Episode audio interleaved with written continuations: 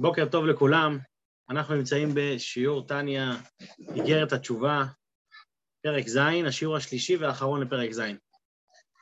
בפרק הזה, אדמו"ר הזקן מתחיל להסביר לנו איך עושים תשובה על פי חסידות. זאת אומרת, בעיקר הוא צריך להסביר לנו שאם אנחנו לא נעשה על פי חסידות, אז יהיה חסר לנו כמה דברים מאוד מאוד עיקריים שלא ייתנו לנו להתקדם.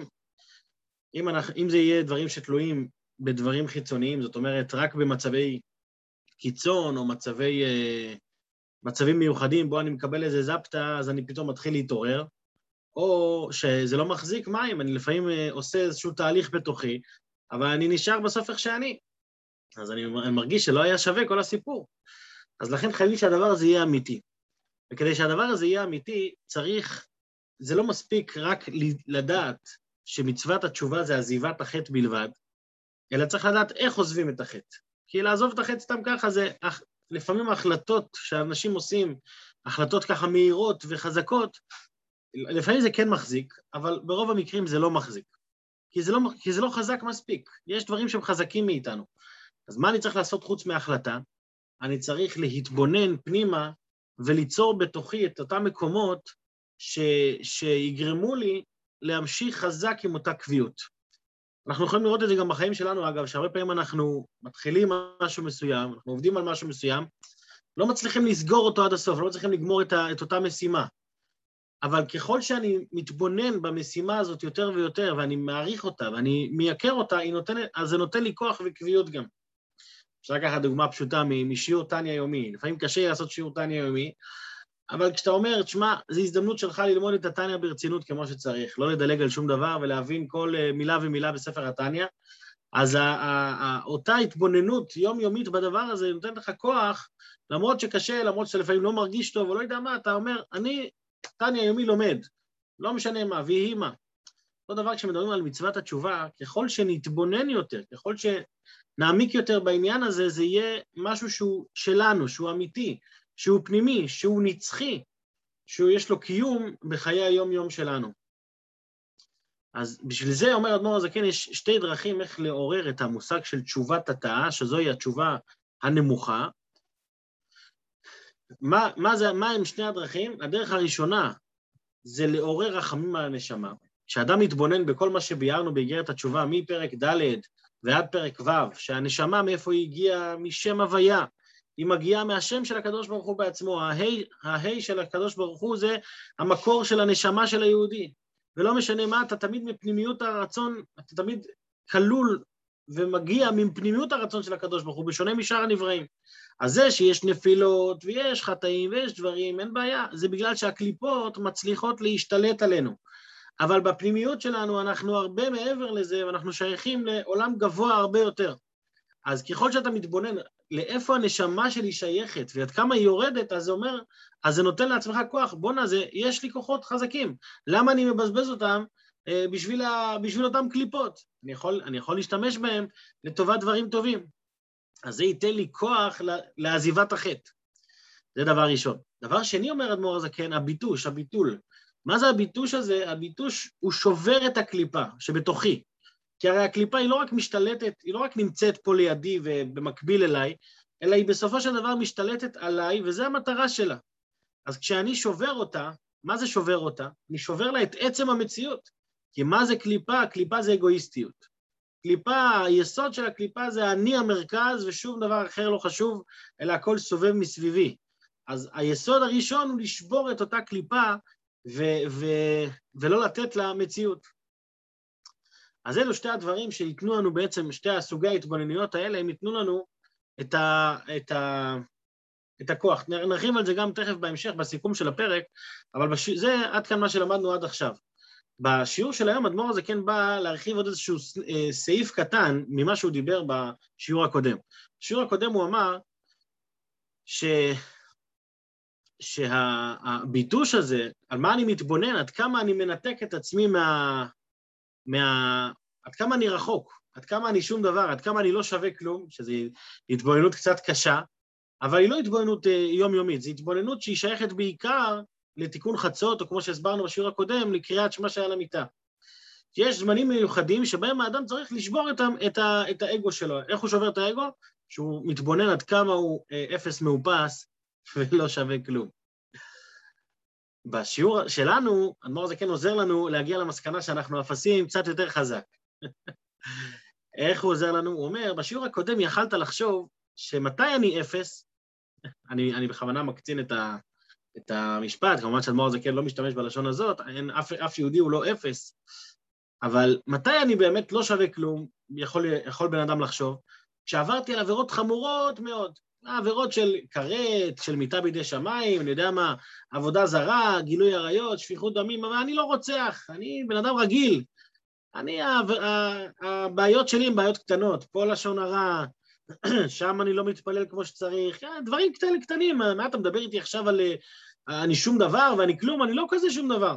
אז מור זקן בא לבן אדם כזה ואומר לו עכשיו בשיעור של היום, תשמע, גם דברים קטנים יכולים בסופו של דבר להוריד אותך ולהפיל אותך, כי דבר קטן ועוד דבר קטן ועוד מיליון דברים קטנים שווים כמו דבר גדול ממש.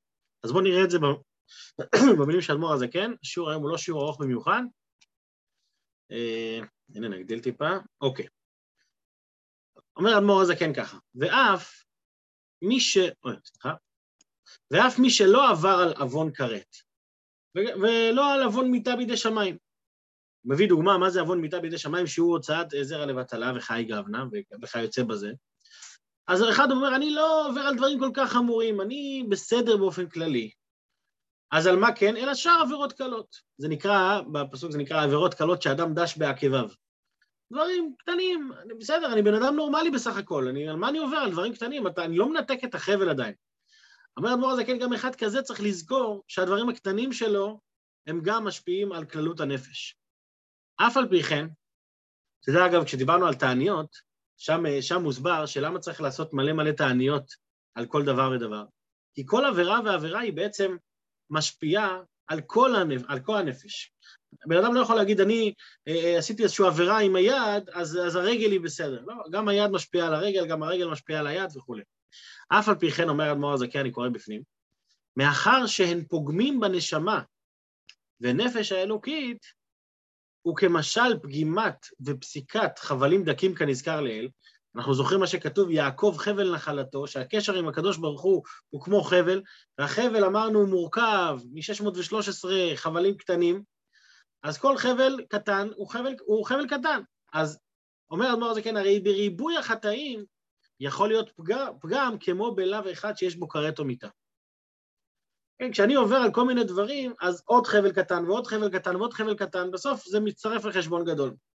יש את הסיפור הזה על, על אותו אחד שלפני שהוא נפטר, הוא קרא לכל הילדים שלו, והיה לו איזה עשרה ילדים, אז הוא אומר להם, תביאו לי רגע, אה, תביאו לי חבילת קש ככה גדולה. הוא אומר לכל אחד, תנסה, תנסה לשבור את זה, מביא לבן הבכור, מנסה לשבור, לא מצליח, זה קשה, זה חזק. עוד אחד, עוד אחד, ואז הוא אומר להם, תביאו לי, מביאים לו את הקש, אז הוא מפריד את החבל שמחבר את כל החתיכות קש, ולוקח אחד שובר, אחד שובר, עד שבסוף כל החבילה מפורקת. ואז מה הוא אומר להם? המסר שם זה מסר אחר, הוא אומר להם, אם תהיו מאוחדים, אף אחד לא ישבור אתכם, אבל אם תהיו מפורדים, אחד-אחד אפשר לשבור בקלות. אבל מה, למה אני אספר את זה כאן? כי יש 613 חבלים, אז אני אומר, תשמע, רק חבל אחד, אוקיי, אבל חבל אחד, ועוד אחד, ועוד אחד, שברת, שברת, בסוף לא נשאר שום דבר מהחבילה. אז לכן, אי אפשר לזלזל בעבירה קלה, אי אפשר להגיד, טוב, זה לא נחשב. עכשיו יבוא בן אדם, יש מה שנקרא ביידיש, אומרים אוי ברכוכם, אחד שהוא מתחכם, הוא אומר, אתה יודע מה, אני לא עובר על הרבה עבירות, אני, יש לי אולי עבירה אחת שבה אני נופל קבוע. אז סך הכל זה חבל אחד, אז אני לא מנתק את כל שאר החבלים. אז הוא אומר, אדמו"ר הזה כן מתייחס גם לטענה כזאת ואומר, ואפילו בכפילת חטא אחד פעמים רבות מאוד, שזה לא מלא חטאים שונים, אלא זה חטא אחד, האם הוא, האם הוא משפיע או לא משפיע? הוא אומר, גם הוא משפיע. למה הוא משפיע? כי זה כמו וילון, שאתה שם וילון דק, הווילון הזה לא עושה צל בחדר, אבל אם תשים עליו עוד וילון דק, ועוד וילון דק, ועוד וילון דק, זה אותו וילון, זה אותו, זה אותו, אתה מתעסק פה באותו, באותו חבל קטנטן, בסוף בסוף יהיה פה חושך. לכן הוא אומר, כמו שהמשיל הנביא החטאים לענן מאפיל אור השמש. מה זה ענן? ענן הוא מורכב מ... מ... עוד שכבה, עוד שכבה של, של מים אה, מעודים, ועוד שכבה ועוד שכבה, בסופו של דבר הוא מאפיל על אור השמש. בסוף, למרות שזה כלום, זה אוויר, אבל בסוף השמש לא מצליחה לעבור דרך הענן הזה.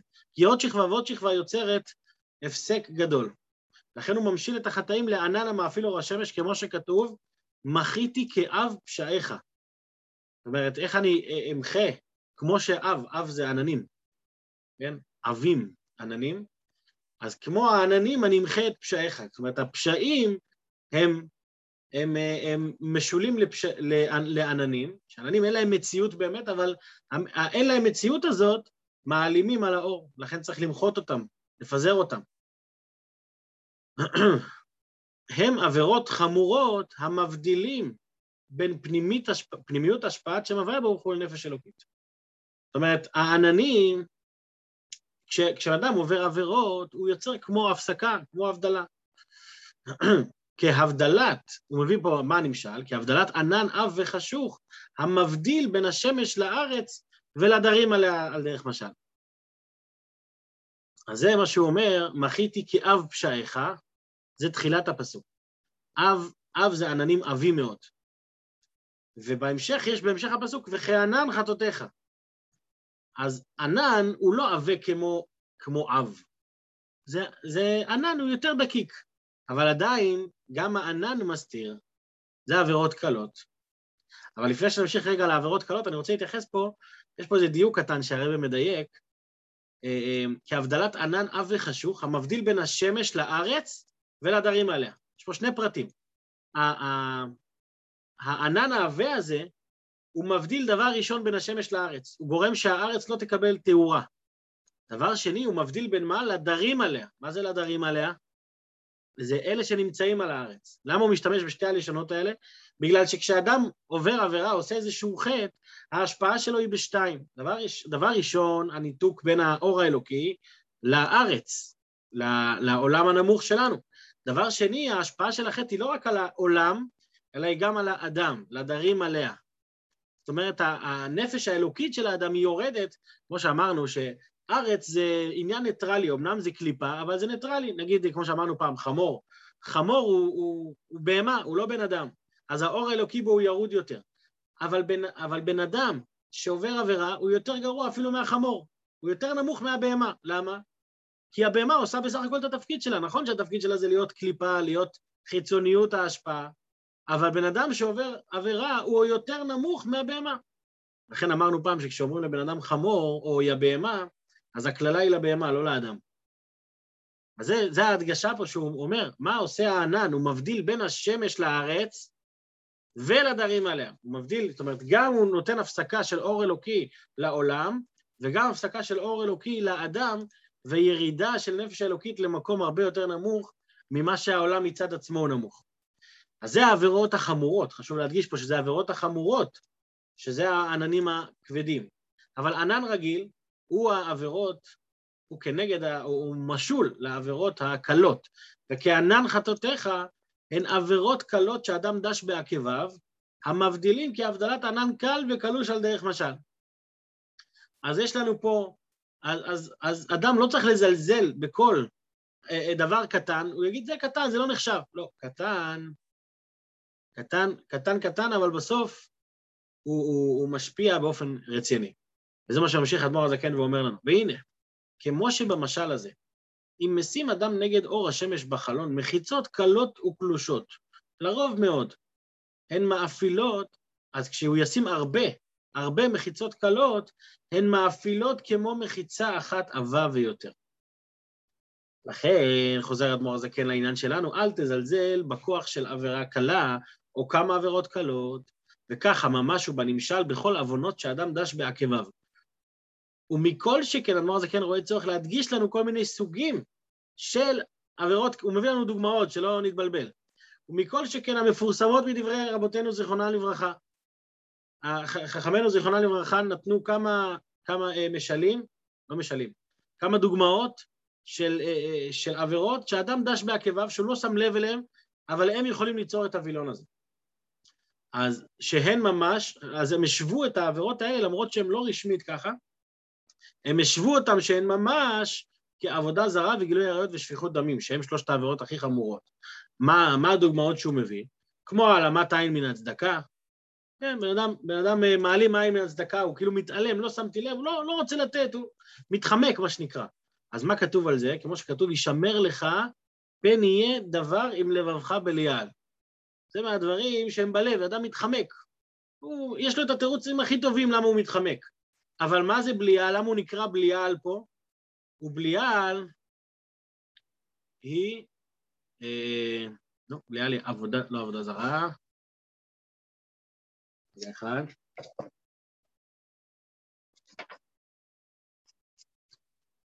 נו, מה זה בליעל?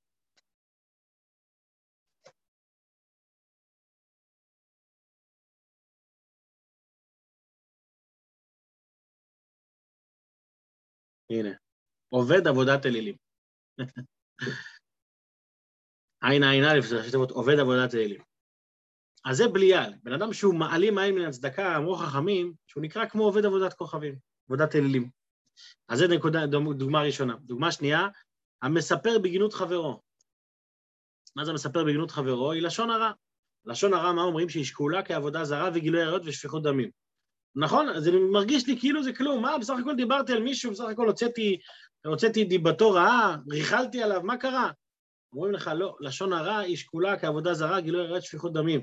כי היסוד הזה שאתה, שאתה מדבר על מישהו אחר בצורה שלילית, אז זה כפירה, זה כמו כפירה באלוקים ממש, כמו העבירות הכי חמורות שיכולות להיות. נכון שבאופן רשמי הן נחשבות עבירות קלות, אבל הפנימיות שלהן הן כמו העבירות החמורות. וכל הכועס, גם על זה אמרו חכמים, כל הכועס כאילו עובד עבודה זרה. שכעס, כשאני כועס, אני בעצם מגלה ש, שכאילו, למה בן אדם כועס? כי התוכנית שלו לא הלכה לפי איך שהוא רצה. אני רציתי שיהיה משהו מסוים, אבל התוכנית שלי, המציאות הוכיחה אחרת, אז הוא כועס. אז מה בעצם הוא אומר בכעס הזה? מי אמור לקבוע את המדיניות? אני, ולא אלוקים. אומרים לו, שמע, אלוקים הוא בעל הבית, לא אתה. כשאתה כועס, אתה כאילו אומר, וואלה, אתה לוקח לאלוקים את התפקיד שלו, את המקום שלו. לכן זה נחשב כאילו הוא עובד עבודה זרה. וכן, מי שיש בו גסות הרוח. גסות הרוח זה אומר, אני מציאות פה, אני ואפסיות. אז הוא, הוא מתגאה, הוא, הוא גס רוח, אז גס רוח הוא כנגד עבודה זרה. וכהנה רבות בגמרא. מביא האדמו"ר הזה כן, דוגמה אחרונה, שהאדמו"ר הזה כן, כמו שאמרנו פעם, כל פעם שהוא ידבר על מצוות, על מעלה של מצוות, או, או ניתוק של עבירות, איכשהו יגיע לזה גם, ותלמוד תורה כנגד כולם. במאמר הז"ל, ויתר הקדוש ברוך הוא על עבודה זרה וכולי, אבל לא ויתר על תלמוד תורה. מה אנחנו רואים? ש, ש, שלימוד תורה הוא כנגד כל המצוות. כשאדם לומד תורה, הוא כאילו קיים את כל המצוות, ועל דרך זה הפוך. כשאדם מבטל תורה, יש לו אפשרות ללמוד והוא לא לומד, הוא כאילו ביטל את כל המצוות. אז נכון, אין על זה עונש של כרת, אין על זה מיטה בידי שמיים, אבל ביטול של דבר כזה, הוא יכול להביא למחיצה עבה, כי עוד מחיצה דקה ועוד מחיצה דקה ועוד מחיצה דקה יוצרת את העננים העבים האלה שמעלימים ומסתירים על האור האלוקי, מהאור האלוקי להגיע למטה. ולכן, בגלל שאנחנו מבינים שכל עבירה קלה היא גם, אה, אה, גם היא חשובה וגם היא אסור לדלג עליה ואסור להגיד, זה לא נחשב, לכן סידרו בקריאת שמע שעל המיטה, כמו שאמרנו שזה הזמן של חשבון הנפש, מה ראי בינה, אז סידרו בקריאת שמע של המיטה, לקבל עליו ד' מיתות בית דין וכולי. יש בנוסח של קריאת שמע, יש, אה, יש בסוף שם, אה, נוסח שבן אדם אומר, אני כביכול מקבל עליי את ארבעת מיתות בית דין. יש, אה, כשבן אדם היה עובר עבירה, בזמן שסנהדרין היו בבית המקדש והכל היה יד ישראל תקיפה, אז היה ארבע סוגים של מיתות בית דין. שבית דין היו הורגים בן אדם שצריך, שחייב מיתה. סקילה, שריפה, הרג וחנק. אז בן אדם צריך להתבונן כל יום ויום כאילו הוא היה אה, צריך לעבור את אותו תהליך של סקילה, שריפה, הרג וחנק. למה? בגלל הדברים שהוא עשה באותו יום. אז למה צריך להגיד לבן אדם להתבונן בזה כל יום? מה... למה צריך ל... לעשות לי רע על הלב? אני עוד מעט הולך לישון, אתה כבר רוצה לשים לי ארבע מיטות בית דין? מה אומרים? כי בעצם, גם אם עשיתי עבירות קלות ואני נמצא במצב כביכול טוב, אני צריך לזכור שכל עבירה, ועבירה מנתקת אותי, ויכולה לגרום לי את אותה, כמו מיטה בידי שמיים, רק, רק הסוג של מיטות בית דין. עכשיו, מיטות בית דין יכול להיות בגשמיות שהם הרגו בן אדם בפועל, אבל זה גם יכול להיות ברוחניות. כי מה זה מיתה? אמרנו שרשעים בחייהם קרויים מתים, למה? כי המוות זה הרע, כשאני מקבל חיות מהקליפה אני נמצא ברע. אז הרע נחשב מוות. אז למה אני מתבונן בארבע מיתות בית דין? כי זה ה, ה, המוות היומיומי כביכול שהנשמה שלי עוברת כשאני עושה משהו לא טוב. עכשיו אדמו"ר הזה כן מרחיב את ההסבר על זה, ותכף גם נרחיב על זה עוד כמה מילים, רק אני רוצה לקרוא את זה בפנים קודם. אדמו"ר הזה כן מרחיב ואומר שהארבע מיתות בית דין האלה, הן גם נמצאות ומרומזות בשם הוויה, בשם השם.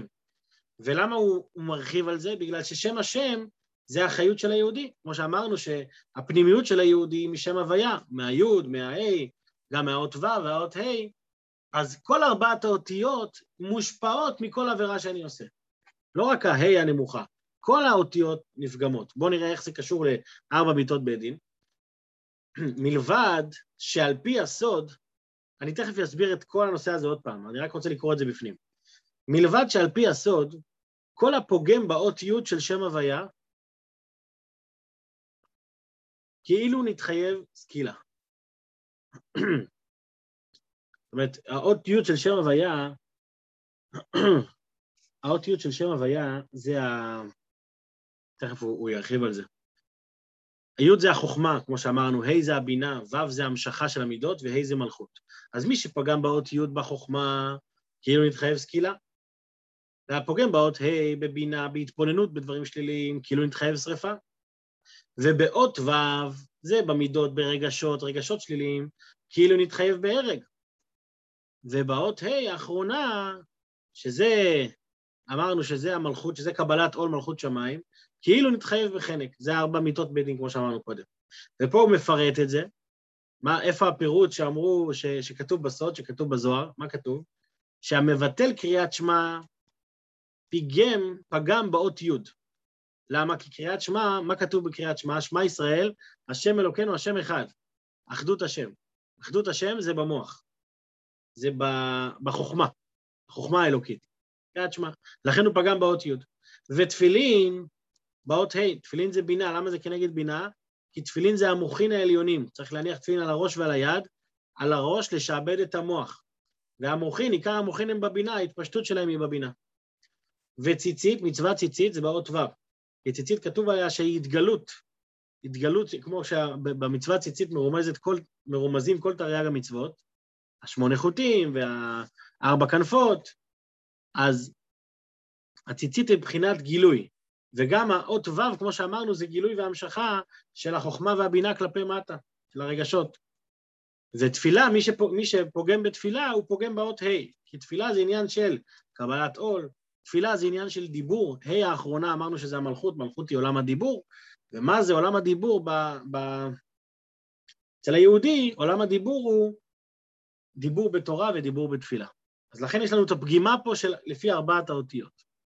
ומזה יכול המשכיל ללמוד לשאר עוונות וחטאים וביטול תורה כנגד כולם, שמה? שכל דבר ודבר אני יכול לפגום את השורש. עכשיו אני רוצה להגיד, אה, להגיד מילה קטנה על כל המושג הזה של ארבע, ארבע מיתות בית דין וארבעת האותיות.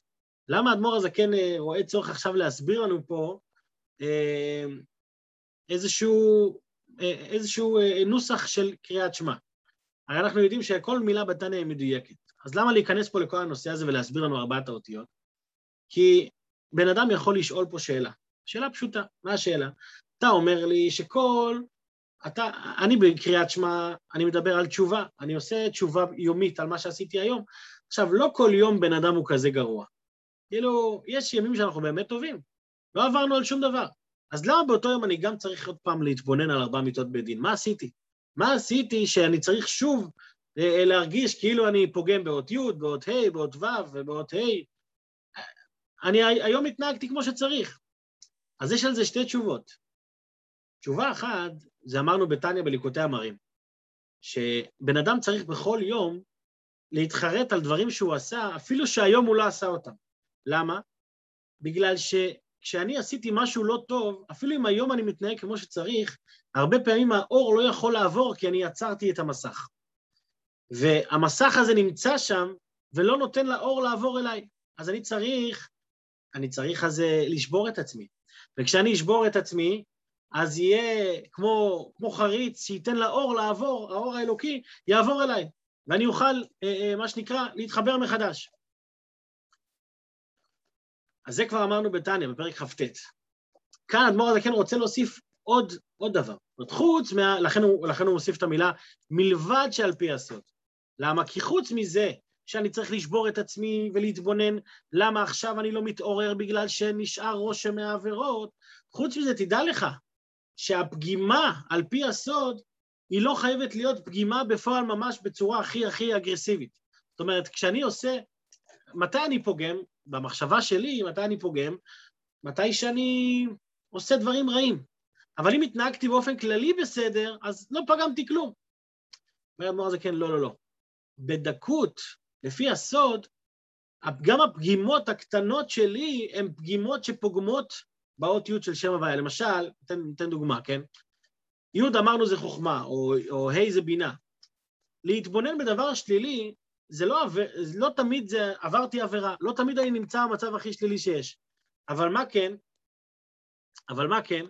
יכול להיות שפגמתי בדקות באותו דבר. זאת אומרת, יכול להיות שהתנתקתי קצת מבחינת החוכמה האלוקית, שנגעתי קצת ביוד האלוקית והורדתי אותה למטה. במקום להתבונן בדברים, בדברים נעלים, התבוננתי בדברים שליליים. אותו דבר בעשייה שלי. במקום לעשות משהו טוב, השתמשתי ביכולת שלי, בכוח שלי, למשהו רע. אז אני עכשיו המשכתי חיות אלוקית לרע. עכשיו, יכול להיות שזה לא עבירה. זה לא, בספר החוקים הרשמי זה לא נמצא כעבירה, אבל אני עשיתי עכשיו המשכה שלילית. אז בגלל שעשיתי המשכה שלילית בדקות, אני פגמתי באות ה-A העליונה. ולכן כל יום ויום אדם צריך להתבונן בזה, למה? כדי לחשוב על שני הצדדים. גם הדברים החמורים שעשיתי שלא נותנים לי אור אלוקי היום, וגם לחשוב על הדברים הקלים שעשיתי. לא, לא לתת, אמרנו פעם שמה זה חיים של מודעות, שאני לא, לא נותן לשום דבר לעבור מעבר לראש שלי ולהתקדם הלאה, אלא אני מתבונן על כל דבר, אני נותן חשיבות גם לדברים הקטנים וגם לדברים שרשמית הם לא אסורים, אבל אני, אני מתבונן בהם גם. וואי, אני, אני לא רוצה לעשות פגימה אפילו קלה.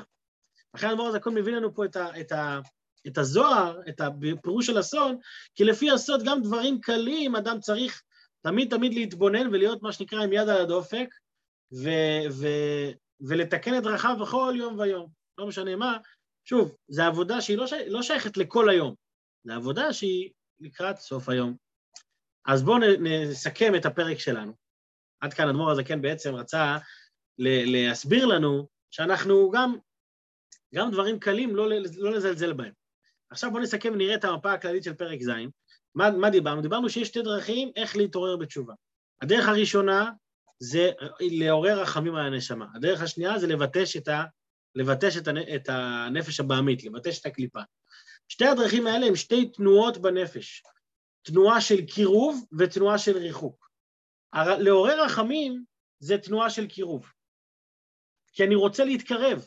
אני מעורר רחמים על הנשמה ואני רוצה להתקרב ל, ל, ל, לאור האלוקי. לעומת זאת, התנועה של הביטוש היא תנועה של שבירה, תנועה של התכנסות, היא לא תנועה של התפשטות החוצה, היא תנועה של התכנסות פנימה. ואדמו"ר זה כן רוצה, ל, ל, למה זה קשור לתשובת התאה? שוב, מקווה שהדברים מובנים. אבל למה זה קשור לתשובת התאה? מכיוון שבתשובת התאה אני צריך להשיב את ההי. אני צריך להחזיר את אותה ה' עליונה שהיא הדיבור, שהיא מלכות, שהיא הקבלת על מלכות שמיים, אני צריך להחזיר אותה למקום. בשביל להחזיר אותה למקום אני צריך שתי תנועות בנפש. אני צריך קודם כל בשביל, בשביל להתבטא למלך, להיות קשור למלך, אני צריך קודם כל להעריך את המלך. אני רוצה להיות קרוב אליו, דבר ראשון. דבר שני, אני צריך לבטל את המציאות שלי. אני צריך להגיד, אני, אם, אם הוא מלך, אז אני עבד, אז אני שום דבר. אז זה שתי התנועות שאדם צריך תמיד לשלב בתוכו. מצד אחד את התנועה של הקירוב, אני רוצה להיות קשור אליו, אני רוצה רק אותו. וזה בעצם הרחמנות, זה הרחמנות הנשמה, זו ההרגשה, ההרגשה אה, ש, ש, שאני רוצה להיות קרוב. והביטוש, החלק השני של הפרק, של הביטוש, זה ההכנעה שלי, שאני בן אדם אה, אה, מוגבל, ואני רוצה להיות קשור אליו. על ידי שני התנועות האלה, שתי התנועות האלה במקביל, כל הזמן, אז זה ייצור אצל האדם את, את התחושה תמיד להיות קרוב, ואף פעם לא לרצות להיות רחוק. אז זה עד כאן התשובת התאה, בעזרת השם פרק ח', וידבר יותר על התשובה העילאה, על הדרגה הגבוהה בתשובה, שאומנם היא גבוהה יותר, אבל היא שייכת עדיין במידה מסוימת לכל אחד ואחד. שיהיה בינתיים לכולם, שבת שלום, בשורות טובות, יישר כוח לכל המשתתפים הרבים. יום טוב. תודה רבה, שבת שלום.